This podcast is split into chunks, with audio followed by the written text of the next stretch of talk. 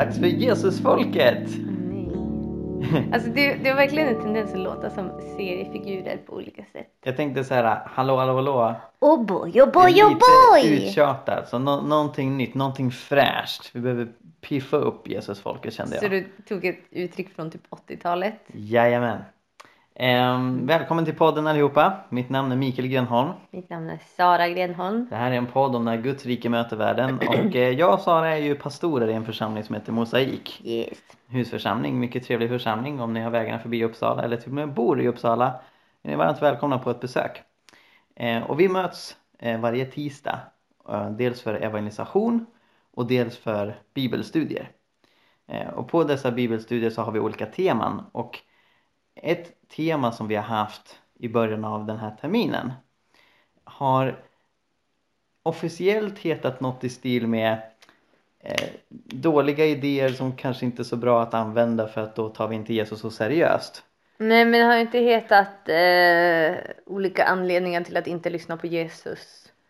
Ja, Typ. nej men precis. Det inofficiella namnet som jag har använt eh, lite såhär um, hysch hysch. Det är hur du bäst skiter i det Jesus säger. Eh, Så Mm. liksom själva idén har varit att utforska olika sätt som kristna i all välmening ofta med liksom otroligt goda intentioner och, och tron att det här är det korrekta sättet att läsa bibeln lyckas ignorera en hel del av det Jesus säger eller åtminstone bagatellisera det och Mm. avfärda det som inte relevant för mig eller inte relevant för en del av mitt liv. Mm. Så det har vi tittat på och det har varit väldigt spännande. Eh, och en av dessa läror eller idéer som vi har tittat på och som väckte en hel del reaktioner och känslor när vi började prata om det. Eh, det är vad jag har kommit att kalla före efter korset teologi. Jag undrar om det finns något fancy ord för det. Eller om det är så pass nytt att man inte har ett ord för det. Jag har aldrig stött på ett ord eh, för det och både du och jag konstaterar att vi har ju aldrig stött på den här läran när vi har pluggat teologi. Mm. Det är inte så att någon i någon bok eller någon som föreläser i teologi tar upp och sen finns den här läran som representeras av de här människorna. Utan jag har bara stött på den här läran eh, från hobbyteologer, kristna ledare eller ja, kristna lekmän som eh, försöker läsa och förstå bibeln och som har den här teologin som ett väldigt fundamentalt tolkningsfilter. Så när de tittar på nya testamentet så ligger det här och dominerar hela bibelläsningen. Mm. Men berätta lite, vad handlar det om? Vad är före efter korset teologi? Före efter korset teologi går ut på att man gör en jätteskarp distinktion mellan vad som hände före korset och efter korset. Eller vad som sades före korset och Ja. efter korset kanske ännu mer. Precis, precis. Ehm, Så majoriteten av evangelierna, förutom liksom de absolut sista kapitlen, sker ju före korset. Och enligt det här sättet att tänka så är det en del av gamla testamentet. Det är en del av det gamla förbundet. Och det gör att vi som kristna idag, vi som följer Jesus, kan inte bara ta ett citat från Jesus och applicera det okritiskt på våra liv. Utan vi måste tolka det genom det nya förbundet som man då menar är de absolut sista kapitlen i evangelierna där Jesus inte säger så överdrivet mycket. Han sänder ut sina lärjungar på missionsbefallning. Han säger att eh, skriften är uppfylld av mig. Men det är inte Mm. så otroligt mycket substans utan det mesta i Nya Testamentet som man faktiskt applicerar på sitt eget liv det är ju apostlagärningarna och breven och uppenbarelseboken. Det som man kan klumpa ihop till epistlarna. Mm. Eh, så det är liksom det som styr den kristnes liv Mm. och det Jesus Kristus själv säger eh, tolkar man genom det som kommer efteråt. Mm. Och anledningen till att man använder den här före efter korset distinktionen det är ju i princip alltid när man eh, vill rensa bort saker som Jesus säger från det som ska vara relevant för ens liv. Det är inte så att man vill stryka det från bibeln och sånt där. Men man tolkar det ungefär som de flesta kristna tolkar gamla testamentet. Det vill säga det finns mycket matnyttigt, mycket att lära sig där. Men vi behöver se det genom ljuset av Nya Testamentet. Det är därför kristna till exempel inte vanligtvis omskär sina söner eller offrar getter eller håller sig till korsregler därför att vi liksom tolkar det här genom Nya Testamentet och de flesta säger att det Mm. gällde förr men det gäller inte nu. Och, och det speciella med före efter korset teologi är att man gör samma grej med Nya Testamentet. Eh, Så att evangelierna tolkas som en del av det gamla förbundet istället för det nya. Mm, precis, men, men sen så det är ju inte så att man försöker stryka allt det Jesus säger eh, utan det är ju primärt de delar som pratar, alltså där eh, ja men egentligen så här, där, där Jesus pratar om moral, moralregler Mm. eh, och eh, ja men också en del liksom om vem han själv är, vem Gud är, vem, eh, vilka vi är. Mm. Så, eh, en del av det, men jag, alltså man stryker ju inte det Jesus säger om vem han själv är, Mm. till exempel. Eh, Att så här, typ det, det Jesus själv säger som tyder på att han själv är Gud, eh, det verkar man ju inte eh, vilja peta bort.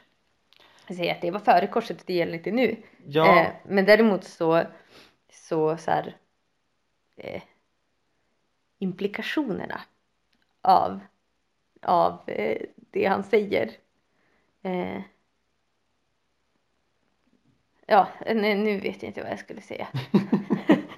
Nej men jag förstår din poäng att det är liksom det, det är framförallt alltså det man ofta reagerar på när jag har lyssnat på människor som har det här tankesättet det är att ibland låter Jesus väldigt lagisk. Ibland Mm. låter det som att han är en gammaltestamentlig profet. Och då så löser man det med att ja, men han är det. Mm. han, han förkunnar det gamla förbundet för sina lärjungar Mm. en hel del. Eh, och när han gör det så ska vi inte ta till oss det.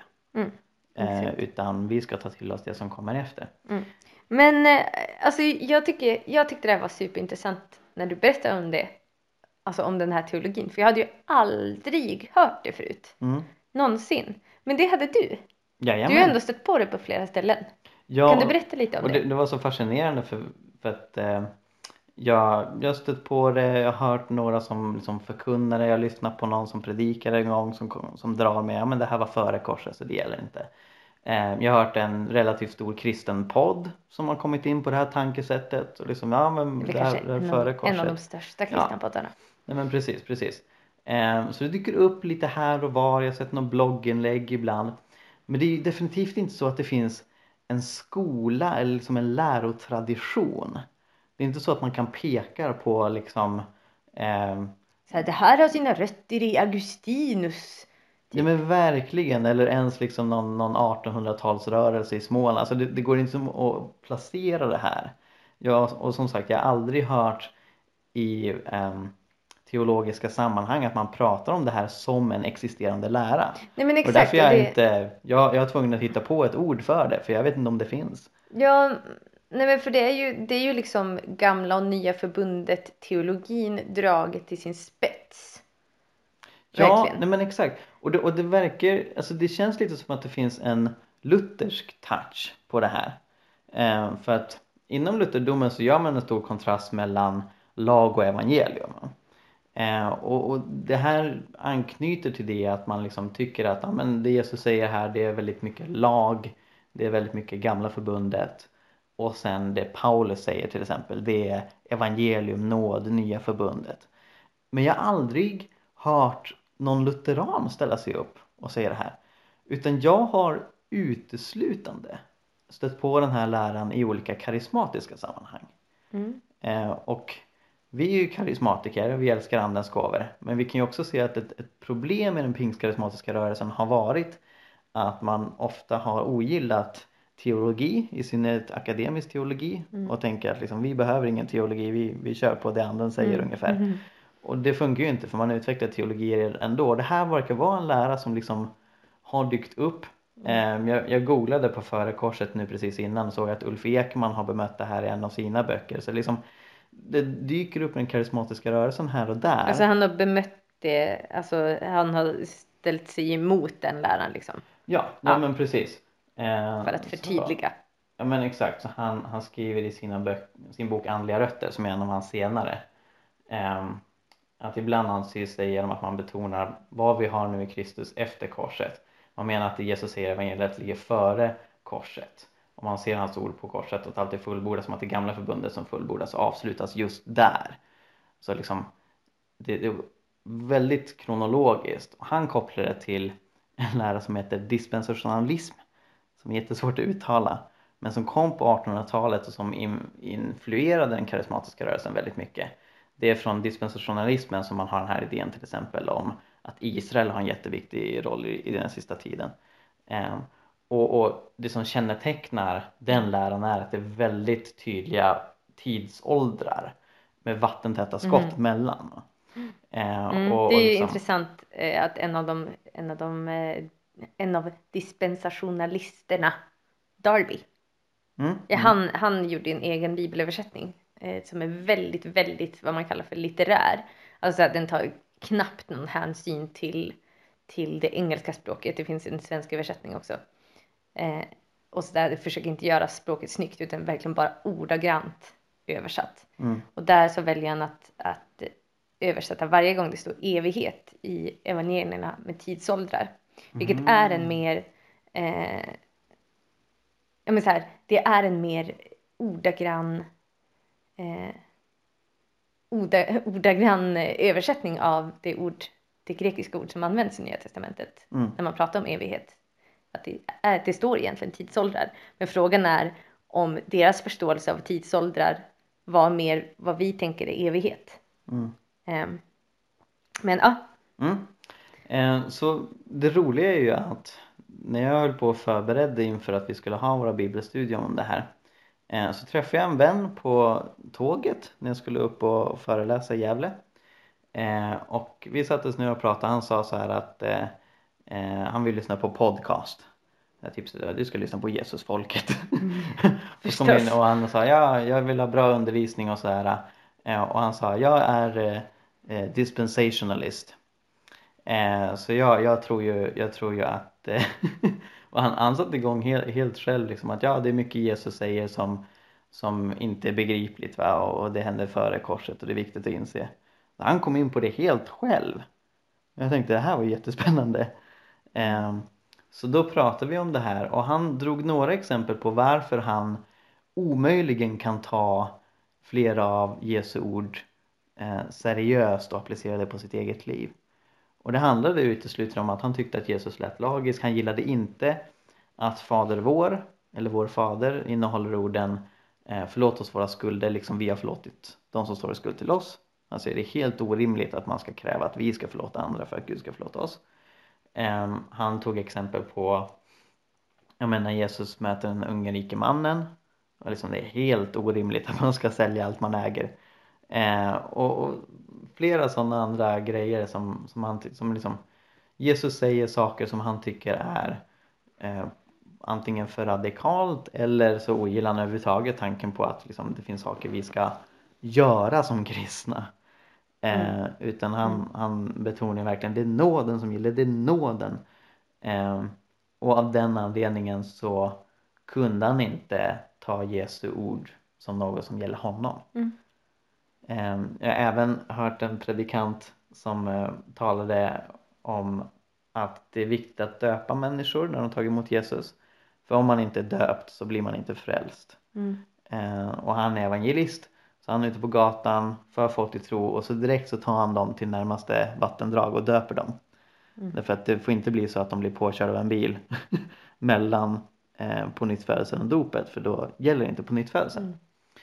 Eh, jag tycker det är så intressant för att det är så sakramentalt och så ja. oväntat sakramentalt i en, ja men så här, hos, hos en person som i, ja men så här, som i övrigt absolut inte har några eh, högkyrkliga rötter. Nej men verkligen, verkligen.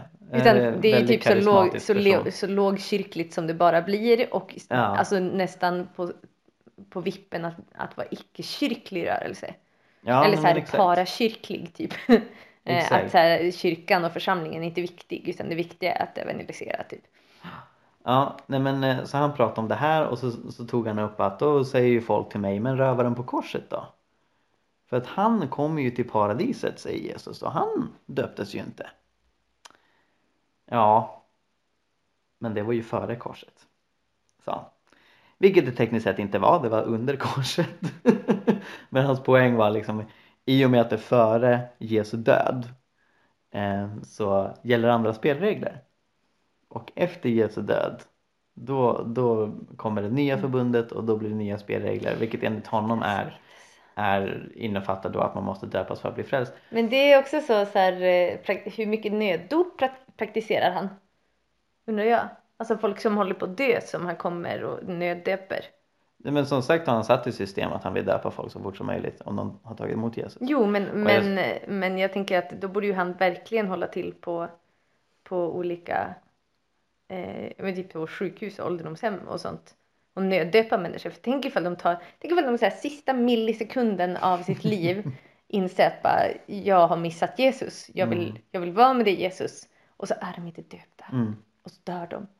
Och, och det intressanta är Det är så intressant. att före efter korset teologi kan Mm. böjas till att motivera nästan vad som helst.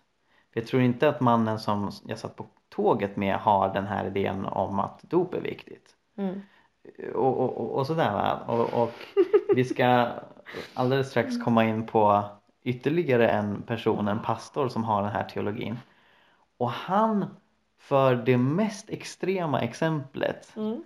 på hur man kan använda det här som jag någonsin stött på. Mm.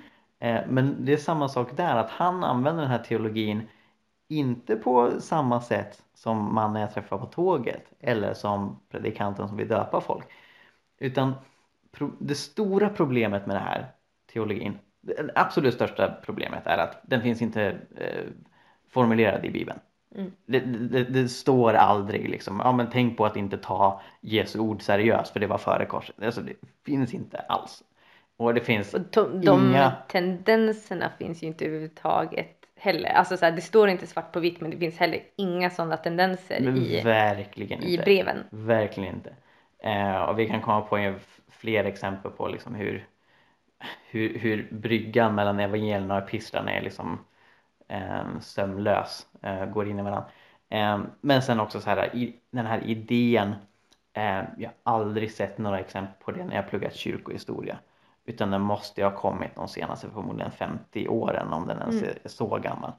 Eh, som sagt kanske liksom med rötter i dis- dispensationalismen någonstans men som man formulerar den idag så tror jag inte den har funnits särskilt länge. Jag tycker bara att det är så, alltså för dispensationalismen fick ju inte ett sånt starkt fäste.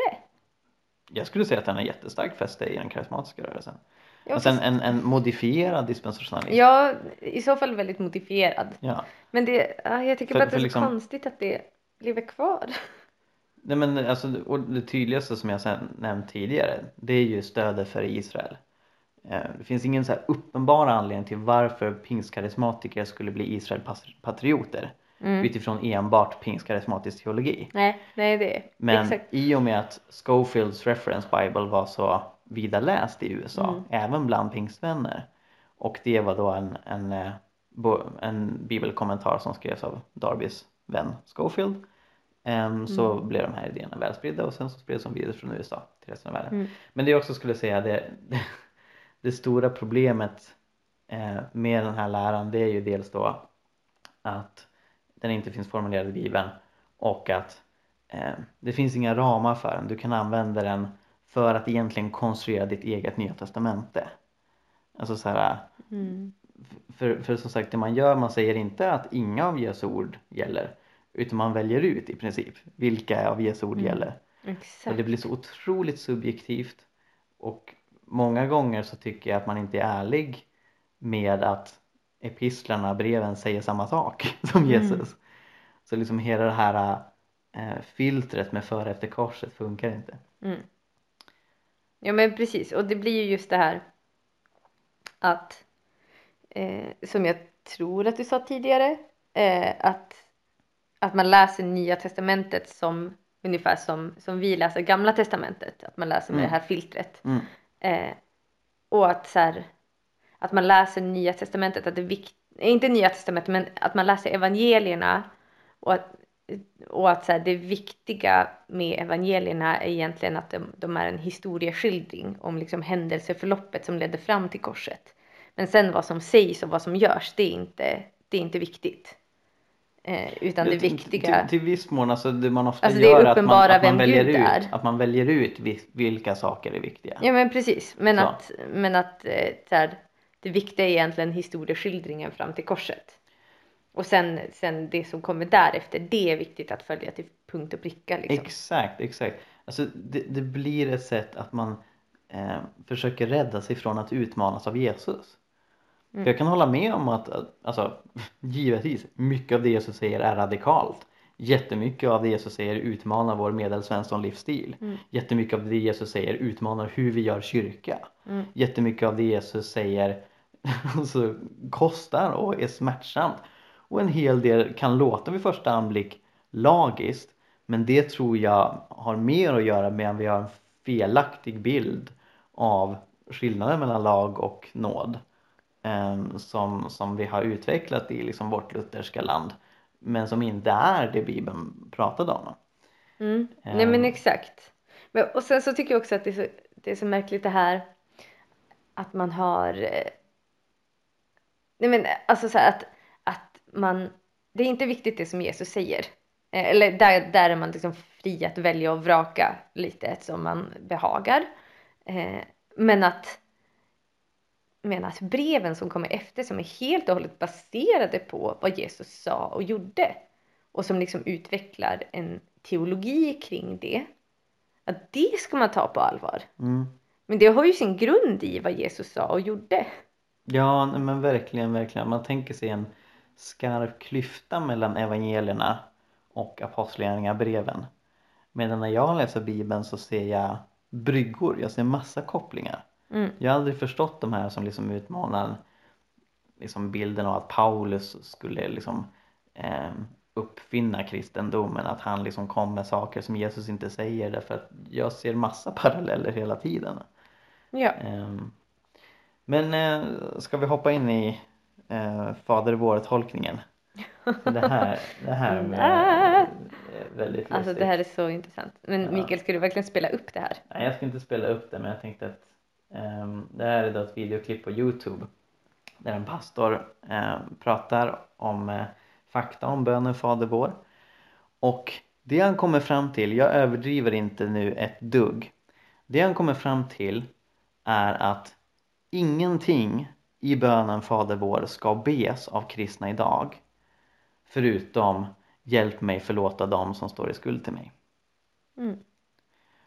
Allt annat hävdar han tillhör det gamla förbundet och ska därför inte bes. Mm. Eh, och vi kan titta lite på, på det han säger. Men, ja, det var- och det var så intressant hur han bemöter allt. Åh! Ni kommer också förfäras, så bered er på att förfäras. Ja, Okej, vi ska alltså absolut inte be Fader vår som är i himlen. För att, nummer ett. Gud är ju inte våran fader. Gud är våran pappa. ja det är exakt så han säger. Mm. Eh, att så här, i det nya förbundet så har vi en intimare relation med Gud än fader. Utan nu ska vi säga pappa. Ja, så vi ska inte säga fader vår. Eh, och Och- vi ska inte säga som är i himlen. För att i, Efesierbrevet 2, vers 6. ja, så står det att vi är i himlen. Mm. Och, och här gör han ju en mot, eller så, här ett, ett, så skapar han ett motsatsförhållande som inte finns. Är vi i himlen så är alltså Gud inte i himlen. eh, och sen också så här kan man ju ställa sig frågan, är vi i himlen? I think not. Eller så här, alltså det, Ja. Jag har hört tidigare karismatiker som pratar om det här. Man pekar på några bibelverser att liksom vi, vi på ett andligt plan befinner oss i himlen just nu. Men just verkligen, även om det är sant, varför kan vi inte be vår fader som är i himlen? Också grekiskan och hebreiskan gör inte någon uppdelning mellan fader och pappa, det är samma ord. exakt, det är ju arameiskan som har ordet abba. Eh, som är mer ett så här, eh, intimt ord för pappa. Så. Ja, och, Alltså, och det är ju snarare, det är ju inte ens pappa utan det är ju snarare pappsen. typ. Eh, Ja, och, och det använder Jesus också så liksom, ja, det blir väldigt speciellt. Ehm, han säger Mm. också att vi ska inte be helgat Fader ditt namn. Han använder den gamla Fader vår översättningen. mm. Ehm, varför då? Jo, för vi är heliga. Så därför kan vi inte säga att Guds namn ska Men det där tycker jag är så det? intressant. Så här. Jag, jag undrar så mycket hur tillbedjan ser ut i den här kyrkan. Om man inte får säga att du är helig Gud eh, och så här, som, man, som vi kommer, in, kommer komma in på sen, så här, vi får inte säga att din är makten Gud. Nej, Eh, för att det är också fel, förstår ni? Eller så här typ, ja, men, att Gud är så här härlig. eller vacker. Mm. Eller så. Alltså mm, eh, alla synonymer till härlig. Eh, det ska vi absolut inte säga heller. Så vad består egentligen tillbedjan av där? mm. Man får inte beskriva vem Gud är för att vi samma sak. Okej. Ja, nej, men det, jag fattar verkligen inte logiken här. Ja. Och sen så säger han också, vi ska inte be tillkommer ditt rike för att Guds rike är inom oss. Ja. Och då hänvisar han till Lukas 17. Trots att han inleder den här, det här bibelstudiet med att just prata om eh, Fader vår ägde rum före korset. Han, han, han säger också, det glömde vi säga, att det är först när förlåten brister när Jesus Mm. dör, alltså det här stora draperiet som täckte för det allra heligaste templet. Det är först då eh, som människor kan ha direkt kommunikation med Gud. Och så säger han så när lärjungarna gick omkring med Jesus så hade de inte direkt kommunikation med Gud. Trots att Jesus är Gud och trots att de hade direkt kommunikation i ordets sanna bemärkelse direkt med honom. Alltså, mm. Men ja, han har liksom bestämt sig för och det är symptomatiskt för det här sättet att tänka att det är jättestor skillnad på före och efter Jesu död på korset. Det är bara Mm. det att när han ska motivera varför vi inte ska be att Guds rike ska komma så säger han Lukas 17 säger att Guds rike är redan här vilket är före korset. Men, men också så säger han att, att, så här, ja, men att vi ska ju att det är inte Gud som ska låta sitt rike komma utan det är vi som ska jobba för att Guds rike ska, ska komma hit. Att det är liksom Mm. vi som gör det. Bara, Ja men precis. vem Och tror du att du är? vi, vi ska inte be låt din vilja ske Exakt. för att det är vårt uppdrag att Guds vilja ska ske. Mm. Och ja, det känns Nej men jag får helt ärligt intrycket och jag, jag tycker det är sorgligt att jag får intrycket av att han anstränger sig för att komma på anledningar Mm. till att inte be Fader vår. Eh, för att komma till, till liksom punchlinen att det enda vi ska säga är pappa hjälp oss förlåta andra. Och det intressanta är som ni kanske kommer ihåg från, från den här konversationen jag hade med mannen på tåget Mm. att han använder just det här att vi ska förlåta andra som ett exempel på varför Jesus har fel. Mm. Så han skulle absolut inte ta det som det enda vi ska få ut från Fader vår Mm. även om han inte heller ber Fader vår antagligen Mm. för att den innehåller den formuleringen. Mm. Och jag undrar, alltså och jag tror några av er som lyssnar kanske har, har liksom influerats av de här tankarna eller tyckt att det låtit vettigt och sådär. Men vilka säger vi att vi är? När vi går fram till Jesus och säger Hörru du, du hade fel när du instruerar oss hur vi ska be. Mm. Liksom, Jesus får frågan hur ska vi be från lärjungarna? Han ger dem den här bönen och sen står vi idag och, och kritiserar den. Mm. Men jag tycker också att det är så, eh, men just det är så tydligt att det är ett försök att vara teolog. Mm. Eh, att, så här, att man försöker verkligen ta till det som brukar kallas för exegetiska verktyg, alltså bibeltolkningsverktyg som är så här typ, ja, men hur såg kulturen ut där och då? Vem är det Jesus pratar till? Vad är målgruppen för det han säger? Vad, eller så här, eh, I vilket sammanhang? Vad hände före? Vad hände efter? Alltså, så. Mm. Att man försöker verkligen här, sätta in eller så här, applicera de bibeltolkningsmetoderna. Mm. Men gör det bara så uppåt väggarna fel Ja, och precis. konstigt. Alltså det är så så här, that's not how you do it. Exakt. Eh, alltså så här att ska, ska man, jag menar så här, ja, det är, det är viktigt att, att applicera sådana saker. Så här, okej, ja men är det, är det fariséerna han pratar till eller lärjungarna till exempel? Mm. Eh, men, att, men att också så här, när Jesus säger exempelvis att Guds rike är inom er Mm. så pratar han ju också till lärjungarna och det var före korset. Alltså till människor i det de skulle ha sagt gamla förbundet. Mm. Eh, och ändå så säger han att Guds rike är inom er. Alltså så var det sant redan innan korset. Nej men verkligen. Och det är bara så, så här, det är så inkonsekvent. Ja. Så inkonsekvent. Oh, Och jag, jag tänker vi, vi nog inte Det uppehålla det. oss allt för länge med det här men bara väldigt kort. Alltså han går ju vidare rad för rad i, i bönen. ah, Ehm, det här att vi ber förlåt oss våra skulder. Här behövs inte Jesus har redan förlåtit oss. Eh, inled oss inte i frestelse. Nej men Gud frestar ingen, står det i Jakobs brev.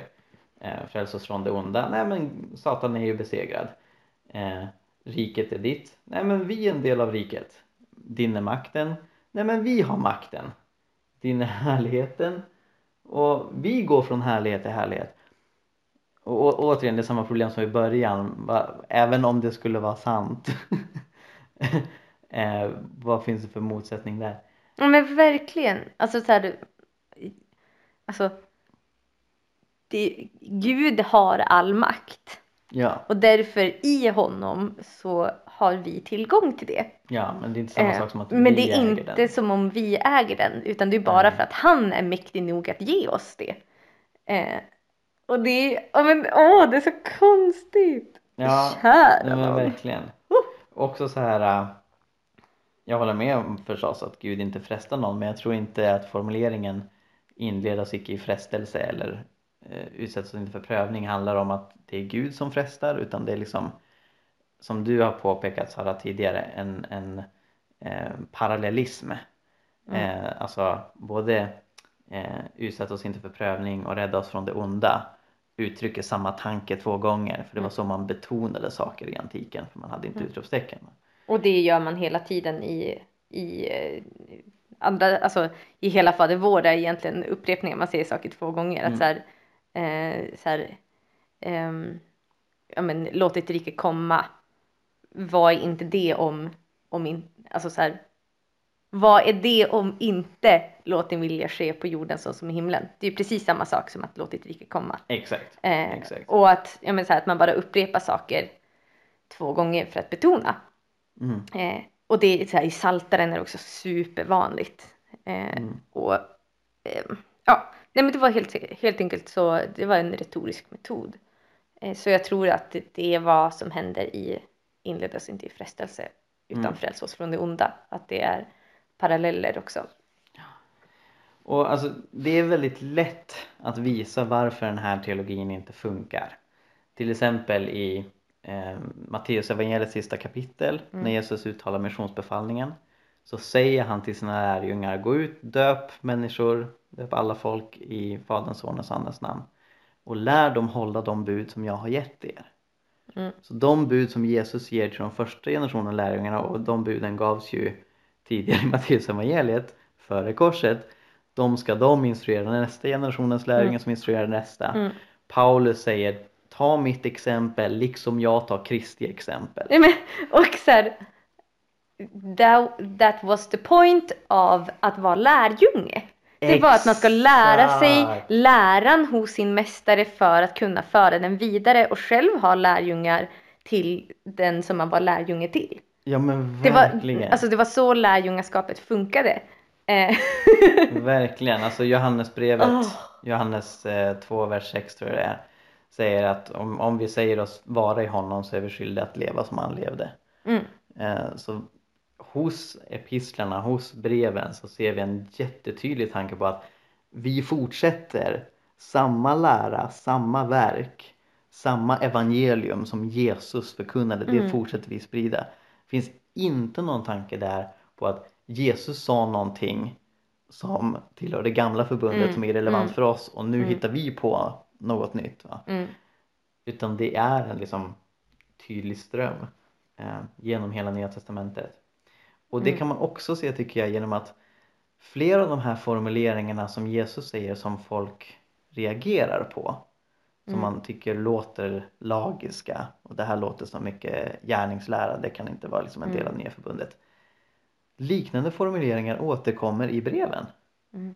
Så, så, så liksom, det, det är ett ganska lat, ärligt talat, och bagatellartat sätt att försöka läsa Nya Testamentet. Att man liksom stöter på saker som utmanar en som man kanske inte förstår helt och hållet och så säger man ah, nej men okej det var irrelevant på grund av tidpunkten då det uttalades och så, och så liksom går man vidare därför att du löser inte problemet du kommer hitta Mm. liknande formuleringar i, i breven Mm. Ehm, till exempel Paulus som jag ofta lyft fram som en ehm, ja men som, som den stora nådeaposteln som predikar nåd istället för gärningar och tro istället för gärningar Mm. han använder ju formuleringar som arbeta på er frälsning i Filipperbrevet 2.12 eh, ha en tro som är verksam i kärlek, alltså att gärningarna uttrycker tron eh, och det blir ännu skulle om vi kollar på Jakobs brev Mm. som formuleras efter korset Exakt. han är ju supertydlig med att tro behöver gärningar för att annars är den död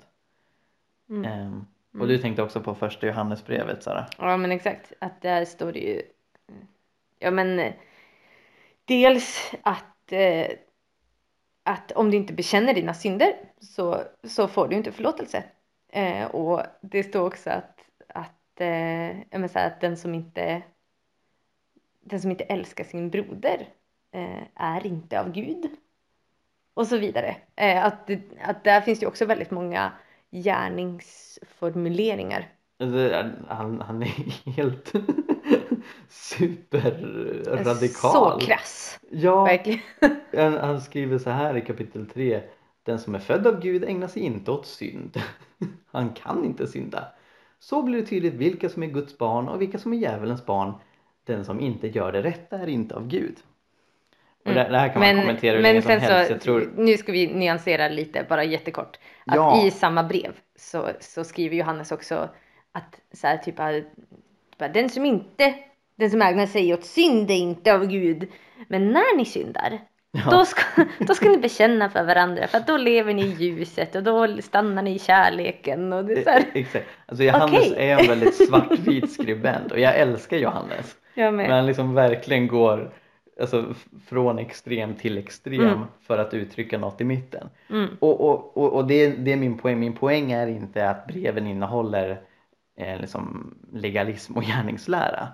Mm. Utan min poäng är att det finns formuleringar i både evangelierna och i breven som vi idag uppfattar som bara oj, det lät väldigt så här, mycket gärningslära. Och som jag tror, jag tror att, eller som jag sa tidigare, jag tror att det är influerat av ett lutherskt tänk som vi har i Sverige. Det var en väldigt skarp distinktion mellan gärningar och tro medan det på Bibelns tid gick mer hand i hand. Mm. Utan att det för den saken skulle bli så att gärningarna är det som frälser för Bibeln lär att det är nåden som frälser men nåden uttrycks i gärningar så. Ehm, så av den anledningen så funkar det inte att bara säga nej men eh, de här formuleringarna gillar jag inte så jag säger att det var före korset så behöver jag inte bry mig om dem. Men sen så, eh, om jag får vara krass så som Johannes är krass. Så skulle jag också, eh, alltså så här, har, har man den teologin. Eh, så kan man ju faktiskt ställa sig frågan. Eh, vem är min herre? Vem är det jag följer? Eh, för att, eller så här, är du Paulus lärjunge eller är du Jesu lärjunge? Jag tror inte att de står i motsats till varandra. Eh, men att om, om min teologi resulterar i att jag avfärdar allt det Jesus säger och omfamnar allt det Paulus säger. Eh, så skulle jag säga att det Ja, då, då kan man verkligen ställa sig frågan, vem är min herre? Ja liksom i Om och man med, ska vara att, rent i och med att Paulus så tydligt betonar att jag för fram det Jesus har sagt. Mm. Nej men Så- för, att, och- och- för att det är inte, jag skulle säga att, att kasta ut det som Jesus säger genom fönstret, eller så här, att ha en teologi som resulterar i det, eh, skulle jag säga att man är ute på väldigt, väldigt djup vatt, djupt vatten för var drar man gränsen. Um, och att, ja, jag skulle säga verkligen att det är en modern villolära. Ja. Eh, och vi kan bara titta på hur både de första, de första kristna, eh, det finns ju spår av det i hela, i hela nya testamentet egentligen av hur de hanterar tidiga villoläror.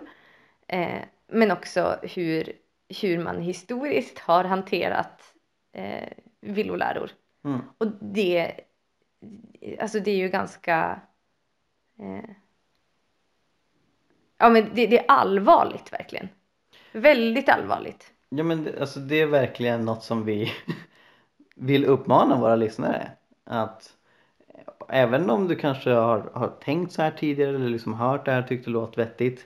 Köp inte det här. Det, det, det är helt obibliskt. Det finns inte i bibeln uttryckt någonstans att det gör skillnad på före och efter korset eh, på det här sättet. Eh, och även om det finns en stor variation i hur det här används. Så vissa kanske bara använder det lite grann. Mm. Medan andra går all in som den här pastorn som inte Mm. vill be vår fader. Mm. Så oavsett i vilken grad det är så är det inte ett, en bra tolkningsmodell att ha. Den, den Mm. har knappt funnits alls historiskt. Det är en men- otroligt ny grej och det är så otroligt onödig grej. Ja. Utan det vi vill det är att vi tar allt det Jesus säger seriöst. Mm. Allt det han säger Men vi ska vi måste försöka förs- applicera på vårt förstå det på det sätt som det ska förstås. Exakt, exakt. Men att verkligen ta det på allvar. Men, men för jag, kan inte, jag kan inte låta bli att, att tänka att så här, hade det varit så, hade det verkligen varit så här, meningen att det är precis så, sån teologi som var tänkt att man skulle ha, då skulle, då skulle breven vara fullproppade och bara, ni har hört att Jesus har sagt bla bla bla, men jag säger er, ja, precis. bla bla bla bla bla. Precis, nej men verkligen, verkligen. Eh, så, och jag tror att många som har köpt det, man har hört det, man tycker ja men det verkar vettigt liksom så här, före efter korset. Men, men det är inte något vi, vi ska ta till oss utan det finns stora, stora fallgropar med det här. Mm. När man i princip designar sin egen bibel. Eh, och även om det kan bli lite mer intellektuellt och teologiskt utmanande att ta allt det Jesus säger seriöst. För att han säger en hel del grejer som är radikala, han säger en hel del grejer som är svåra att förstå. Så är det precis det som lärjungaskap innebär. Ja, fast, fast jag undrar så här. Tror du inte att det är för att den här före och efter korset teologin är lite intellektkliande? Att man, så här, att man vill låta smartare än vad man egentligen är. Eh, att det är lite det som Katarina brukar kalla för intellektuell fåfänga. Att bara så här, för att jag vill intellektualisera mer än nödvändigt i Nya Testamentet och det Jesus säger. Eh, så så väljer jag att skapa, eller så, så väljer jag att anamma en teologi som är helt uppåt väggarna. Men som man Alltså, själv tar på allvar förstås. Det, det blir svårt att spekulera kring det. Alltså, min erfarenhet när jag har sett på det här. Det är ju mer varit att man stöter på svåra bibelord. Alltså man stöter på saker som Jesus säger som man har svårt att förstå och som man har svårt att praktisera. Mm. Och så löser man det genom att säga det här gäller inte. På det sättet är det väldigt likt en annan grej som vi har tagit upp i vår serie om hur man skiter i Jesus. Cessationismen. Cessationismen, vilket är läran att andens gåvor är upphört med apostlarna. Eh, för då gör man samma sak, liksom när Jesus säger bota sjuka uppväck döda. Intressant att du sa det Jesus, men det gäller inte mig. Eh, för att liksom det, det blir så Det var utmanande och så... Före och efter apostlarnas tid var Ja, det då. Nej men precis. Eller väl- egentligen före och efter kanon. Ja, När bibeln, här, när man kanoniserade eh, böckerna i bibeln och liksom la fast att det här är de böcker som är Guds ord. ja att exakt. efter det så upphörde de andliga gåvorna. Och, det, och det är en väldigt liknande lära. Eller de karismatiska gåvorna. För att även om, om det används som de karismatiska nådegåvorna oftast eh, så går det att applicera precis samma tankesätt på exakt vad som helst. Mm. Så Jack Deere som har skrivit en bok om hur han kom ur cessationismen som heter Surprised by the Power of the Spirit. Han skriver att han var ju också cessationist när det gällde fasta, för det tyckte inte han om. Han tyckte det var jättetrist att avstå från mat. Så han fastade aldrig och när de frågade honom, pastor Jack varför fastar du inte? Då sa han, "Nej, men fasta upphörde med apostlarna. Och li, lite samma sak blir det här. Att om, om du Mm. hittar något som Jesus säger som du inte gillar så säger du ja men det var före korset så därför gäller det inte. Mm. Det tillhör inte nya förbundet. Det är så otroligt godtyckligt.